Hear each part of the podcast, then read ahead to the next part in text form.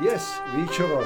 Vi kjører på. Uh, hjertelig velkommen til uh, episode nummer tolv, tror jeg vi kom til, av uh, Tudcast. Og nå begynner det å bli litt sånn påskestemning her på, på instituttet. Og um, Frode har allerede reist en plass. Um, og Dag og Verk gikk til tannlegen og kom aldri igjen. Så her sitter da meg og Tom og skal um, ta en, eh, en liten oppsummering av det som har skjedd, eh, i, eh, som har skjedd i klasserommet denne uken her. Ja. Um, jeg kan jo si litt an først om hva vi snakket om. Vi har jo en um, semesteroppgave som skal løses i forhold til de her eh, infogym. Og det ene spørsmålet går litt på internasjonalisering. Mm. For de har jo et par eh, De har et par marked der de har gått Ja. inn allerede. allerede. -hmm. uh, og vi har snakket litt om uh, eh, u, altså strategier, eller stegene i en Mm. sånn internasjonaliseringsprosess. Ja. Og eh, det første steget er jo å eh, finne ut hva slags marked du skal gå inn i. Mhm. Og da har vi brukt litt tid på en modell som Porter har. Som eh, forteller noe om nasjonalt konkurransefortrinn. Mm. Og da er det jo poenget å se på hva slags konkurransefortrinn eller konkurranseulemper fins i, i hjemmemarkedet i forhold til et utemarked. Mm. Så vi diskuterte jo litt her i klassen, og eh, vi fant jo ganske fort ut at uh, vi er jo gode på olje, og vi er gode på fisk, og ting som vi henter ut fra naturen, Mm. det er vi ganske gode på. Råvarer. Råvarer. Mm. Og så sa vi at um, eh, en annen innsatsfaktor som er da arbeidskraft, Ja. der har vi en ulempe i forhold til nesten alle Mm. andre land i verden. En økonomisk ulempe. Mm. Og det er høye lønninger. Men Men eh, vi har jo høye lønninger, men vi har jo også, eh, på de statistikkene jeg har sett, en av de høyeste effektivitetene altså for Mm. de som jobber. mm, Sånn at det er jo eh, Det er flere sånne tabeller, men jeg har sett flere, og vi er helt på topp i effektivitet. Sånn at i den grad Det er på en måte en vinn-vinn-situasjon. Vi har høye lønninger, men vi klarer også å bruke de lønningene godt. mm, ja. Eh, og Det det som er viktig å legge til her, det er jo det at høyt utdannede folk gjennom OECD-statistikk, Mm. altså meg og deg f.eks., Mm, vi er egentlig ganske billige i Norge. ja, det er Eh, faktisk professorer og andre sånne eliter nede i Europa, de har mye høyere betalt enn vi har. mm. Ja. Så um, jeg- kom jeg, nå kom jeg ut av det. Ja, unnskyld meg! Neida, Så, så, men det er jo eh, det er som sammenligningsgrunnlag. Ja, For ja, eksempel ja, eh, eh, prisen på innsatsfaktorer. Nemlig. nemlig, nemlig. Um, det er òg kravene som kundene har i hjemmemarkedet. Mm. Så hvis, eh, hvis, eh, hvis våre kunder her i Norge, f.eks. våre kunder her i Norge, Mm. de har høye krav til f.eks. turklær. Ja. Eh, og hvis vi da kommer til et annet land som har mindre rusket vær enn oss, Ja. så har jo de eh, eh, kundene lavere krav. Ja. Og derfor så vil jo de, vi, våre produkter bli oppfattet som forholdsmessig høy, høy kvalitet på. Nemlig. Fordi eh, kravene er lavere. Ja. Eh, også da med denne konkurransesituasjonen på hjemmemarkedet. Mm. Sant? Hvis du er kongen på haugen på hjemmemarkedet, Ja. og så går du inn i et nytt marked der du blir ikke kongen på haugen, Ja. så sliter du. Ja. Men hvis du er vant til hard kamp, og hvis du kjemper mot f.eks. internasjonale eh, aktører allerede på Mm. hjemmemarkedet, Mm. så er du mye bedre forberedt på å gå inn i et nytt, uh, nytt marked. Mm. Var det det som skjedde med det tyske selskapet? Lidl det het? Ja. I Norge? Mm. De er jo veldig store i Europa, i hvert fall i Tyskland. Ja. De fikk det jo ikke til her i Norge. Nei, det gjorde ikke det. Er det, er det det, Stemmer det med det som du sier nå? Uh, I utgangspunktet um, I utgangspunktet så var det jo noe, var det noe lurt uh, å gå inn i Ja, det stemmer faktisk med det. Fordi at uh, Nei, de, de, de, var sto, de var jo på en måte kongen på haugen i Europa. sant? Nemlig.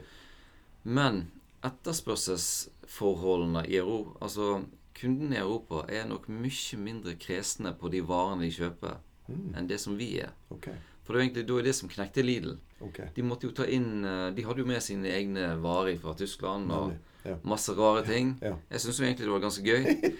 Men eh, folk flest syntes jo det var rart at det, at det ikke sto Toro på, ja. på fiskesuppen. Og at det ikke sto Ming eller et eller annet på, på, på risen.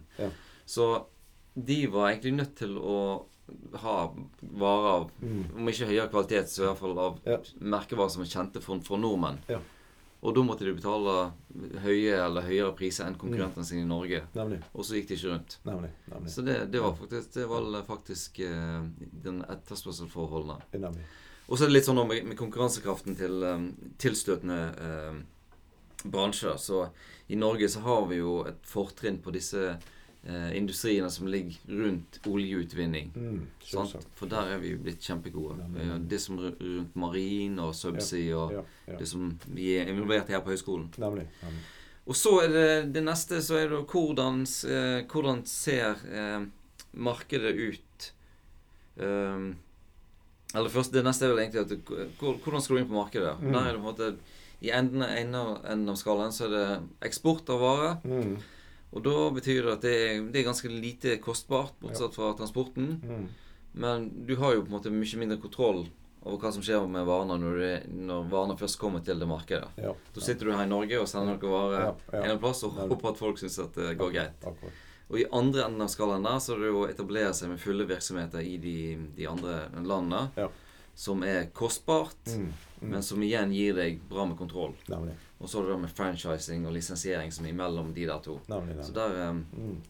der er, det, er det ulike Mm. måter å velge i forhold til egentlig kontroll og um, økonomisk risiko. Ja. Og uh, det siste som vi brukte litt tid på, var jo um, å se på hva slags krav det er i det markedet du kommer, Mm. du kommer inn i. Så det er varierende grad av krav for lokal tilpasning. Ja. Og så er det varierende grad av krav på for lav, lav, å levere lavkost. Mm, mm. Så hvis det, er, hvis det er høyest krav til lavkost og lite krav til eh, lokalisering, Mm. så kjører du en eh, internasjonal eh, standardiseringsstrategi. Ja. Selger du samme produkt over hele fjølen, Mm. og da oppnår du jo sånt lavkost Ja. og, og eh, sånne eh, skalafordeler. Mm. Hvis det er veldig høyt krav til eh, lokalisering, Mm. lokale varianter, så Mm. må du, da må du eh, bruke mer penger for å utarbeide lokale ting. Ja. Og da forsvinner skalafordelene. Ja, sant? Ja. Da, det, da, da, da har du en lokaliseringsstrategi. Mm. Og på sikt sant, så kommer du i en posisjon der både det er press på pris og Mm. press på lokalisering. Mm. Mm. Og da har du det som vi kaller for en sånn transnasjonal eh, eh, strategi. Mm. Der du har egentlig ulike strategier i de ulike landene som, som du er i. Ja. Um, så det er liksom hovedsaken. da, Og det, og det som de skal gjøre på, på oppgaver, det er å prøve å diskutere disse punktene i, i Mm. forhold til denne casen de har valgt, Ja, ja, ja. eh, som er infogym for, for de fleste. Ja, nemlig. nemlig. Så det er litt sånn um, interessant å se på det, i og med at de er jo et uh, egentlig et digitalt produkt Mm. som muligens krever nok lokal tilpasning. Mm. Kanskje. Kan de argumentere for det?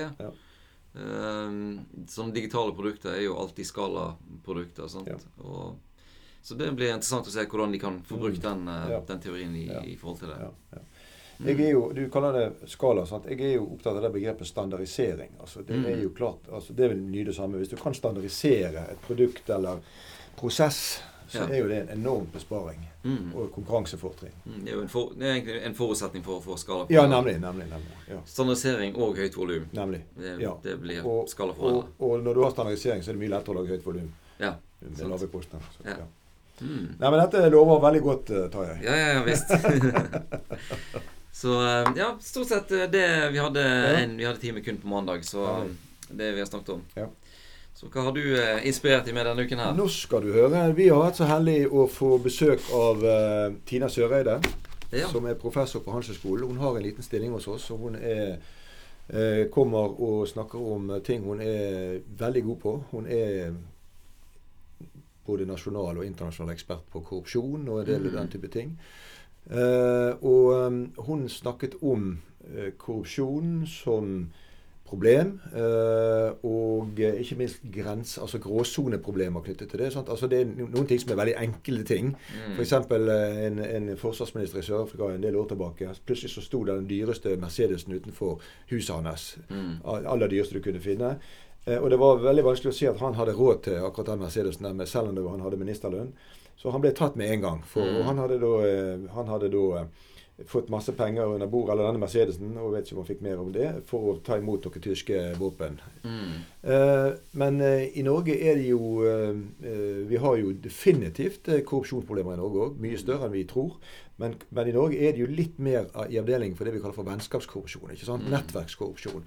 Og ikke, heller kanskje enn at du gir penger til meg sånn under bordet eller hjelper med en stor Mercedes, så er det sånn at jeg eh, holder, passer på dine interesser i mitt styre, og du passer på eh, mine Jeg passer på dine interesser i mitt styre, ja, ja. du passer på mine interesser i ditt styre. Mm. På den måten uh, holder vi, ordner vi opp i mm. ting og tang. Så det, det, er og det er et gigantisk problem, dette. Og sett, sett, i sammenheng med en av de forelesningene vi hadde på, på etikkdagene, så er det jo sånn at det er lett å se korrupsjon i land, altså afrikanske, asiatiske, latinamerikanske land.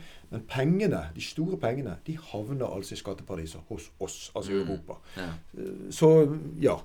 Vi er de store synderne, altså. Ja, det er alltid, det er alltid oss det er Alltid oss det noe galt med. Det er alltid, nei, det, dette er jo en fin uh, knytning inn mot um, det som jeg snakket om. sant? Ja, ja, ja. For denne, de der, denne måten å, å, å, tilnærme seg et annet marked sant? Nemlig det er jo ehm, Det er jo definitivt for mange så er det jo korrupsjon ja. og den type kulturer som du må eh, håndtere når du går inn på, på nye marked. Ikke sant. Og så er det jo også sånn at noen, noen selskap Vi har jo bl.a. brukt eksempelet Siemens. Nå har jo de ryddet opp etter seg. Men de hadde jo mange år hvor altså korrupsjon var forretningsidé nummer én. Okay. Sånn, altså, du går i et marked. Ok, konkurranse. Ja vel. Betaler under bordet, så får du kontrakten. Mm. Og det er klart at da er jo da er det jo en del av de teoriene dine ikke sant, som da forutsetter uh, en viss type ryddighet og ærlighet og transparens mm. og bla, bla, bla. De blir jo undergravet til luks, ikke sant? Ja, fordi at du bare betaler vekk all teori. mm.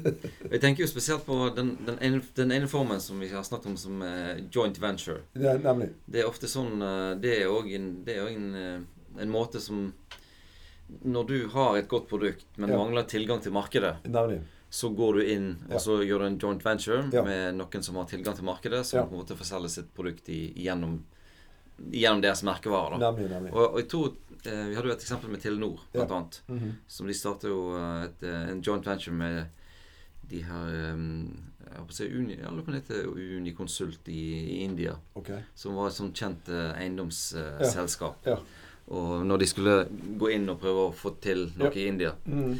Men det gjorde de jo ikke. Så det er ikke så lenge siden de gikk ut fra India og mange av de her andre, andre landene. Det, det, skjedde veldig masse i 2017 eller 2018 okay. i forhold til at Telenor trakk seg ut fra mange av de ja. markedene som de prøvde, prøvde, seg i. For Nå har jeg gått inn i Finland istedenfor. Det er kanskje litt lettere å mm.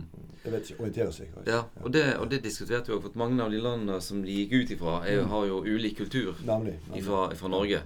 Mens Finland og Norge har jo mye, mye likere kultur. Nemlig, nemlig, ja ja. Selv om de har hatt mer borgerkrig enn vi har hatt der borte. Men det er jo en stund siden. Det er jo det. Er jo det. Men du, skal jeg få si noe annet? Skjønner, altså, Som sagt, eh, Tina hun var eh, der og begeistret. Og hun er en veldig kjekk og flink foreleser. Og så brukte jeg en time da på å gå i dybden på et par sånne eh, disse etiske teoriene som vi bruker. konsekvensetikk. Eh, og eh, pliktetikk. Eh, diskursetikk og eh, eh, dydsetikk. Eh, og når det gjelder denne her eh, pliktetikken til Manuel Kanto, så er det jo viktig, for han deler det opp i to elementer. Mm. Og Det ene er det han kaller for universaliseringsformuleringen. På en måte kan du si altså det vi foreleser i etikk, det er egentlig eh, sunn fornuft og eh, hva skal vi si, god oppførsel teoretisert. For det er egentlig enkle prinsipper. Men mm.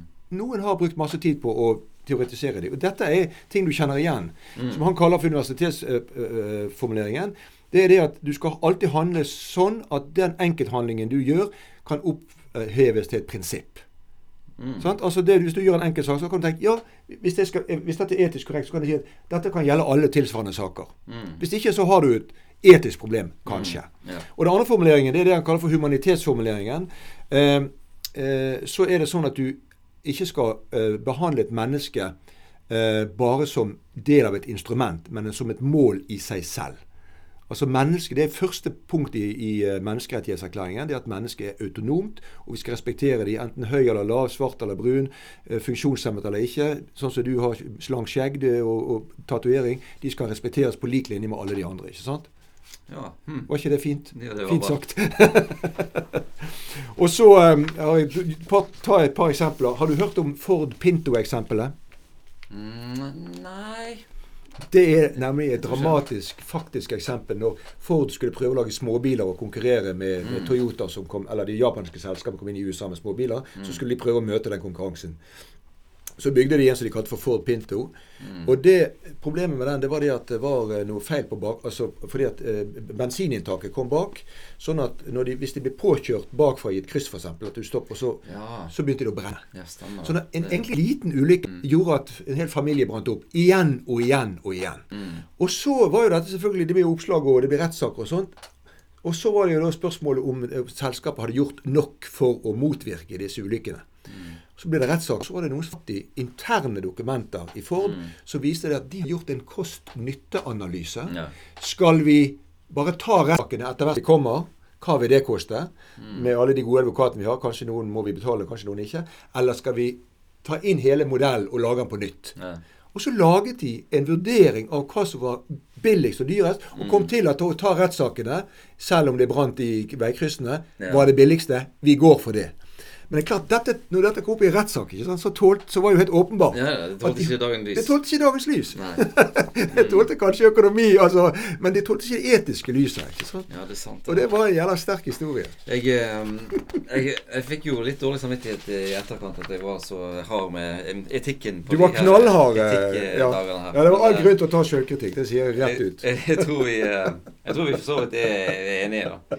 Det, er- ja, men jeg er enig i at eh, ting skal tåle dagens lys. Ja da, det må det. Men, eh, det, Det må det. Og så- altså Poenget er jo det at vi må jo både se etter det som er Altså Hvordan kan vi eh, hele tiden lete etter forretningsmodeller som er grønne og etiske? ikke sant? Mm. Og så må vi også lete etter risiki. Mm. For det, og de endrer seg jo hele tiden. sant? Det var det jeg måtte utfordre deg til med Hva er det nå med de nye digitaliseringene? Mm. Er det noe vi ikke så i går, Mm. som vi ser eller bør se i dag? Mm. Og det er det jo altså Som sagt, Norsk Hydro, hvem kunne tro at de skulle bli At de måtte hente ut av Nå er det jo stå i avisen Uh, Helten der, det var han som hadde papirarkiv. Jeg så det. Han var helten. Men uh, alt. Alt, alt som er digitalt, kan hackes. Og, Ja, det- det og alt blir jo digitalt. Så det, Ja. det, er, en, det er en ny trussel. Ja, ja, det er et godt poeng. Og, det har du sagt òg, at eh, det- det det, er egentlig tidspunkt om når. Når det ble hacket. Ja. Ja. Men det, på samme måten så Alt som lever, kan bli dødt. Ja. Av eh, både naturlige og unaturlige årsaker. Så det er Ja. liksom en sånn Men, men, Det- han, det- det sånt, men, eh, men Knut Øvstus, Øvsthus, som foreleste på Etikkdagen om, tor om torsdagen, som Mm. kanskje ikke våre studenter i, var ikke så mange i salen som hørte det, han, han viste jo frem sånne utsagn som mange av disse toppene hadde hatt om at om to år så er hackingproblemet over. Mm. Altså, Folk har hatt en tro på at alle disse tingene kunne løses enkelt. Ja, du, det er alltid Og, ja. Det, kan du aldri. ja, nei.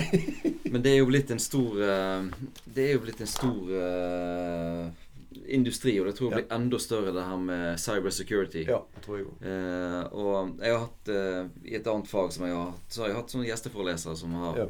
vært inne i det området der. Nemlig, og nemlig. jeg, jeg tror det er sånn blanding av revisjonsselskap og Jeg, jeg tror det faktisk er folk med sånn revisjonsbakgrunn. Akkurat. Som OK, nå er det cyber security, og du er nødt til å gå gjennom alle de tingene her Nemlig. Eh, i forhold til hva skjer hvis den hackingen skjer. Nemlig. Eh, hva slags skade blir det økonomisk? Hva slags skade blir det på, på Ja. fysiske material? Ja. Hva slags risiko løper du i forhold til skade Mm. på Ja. omdømme? Ja.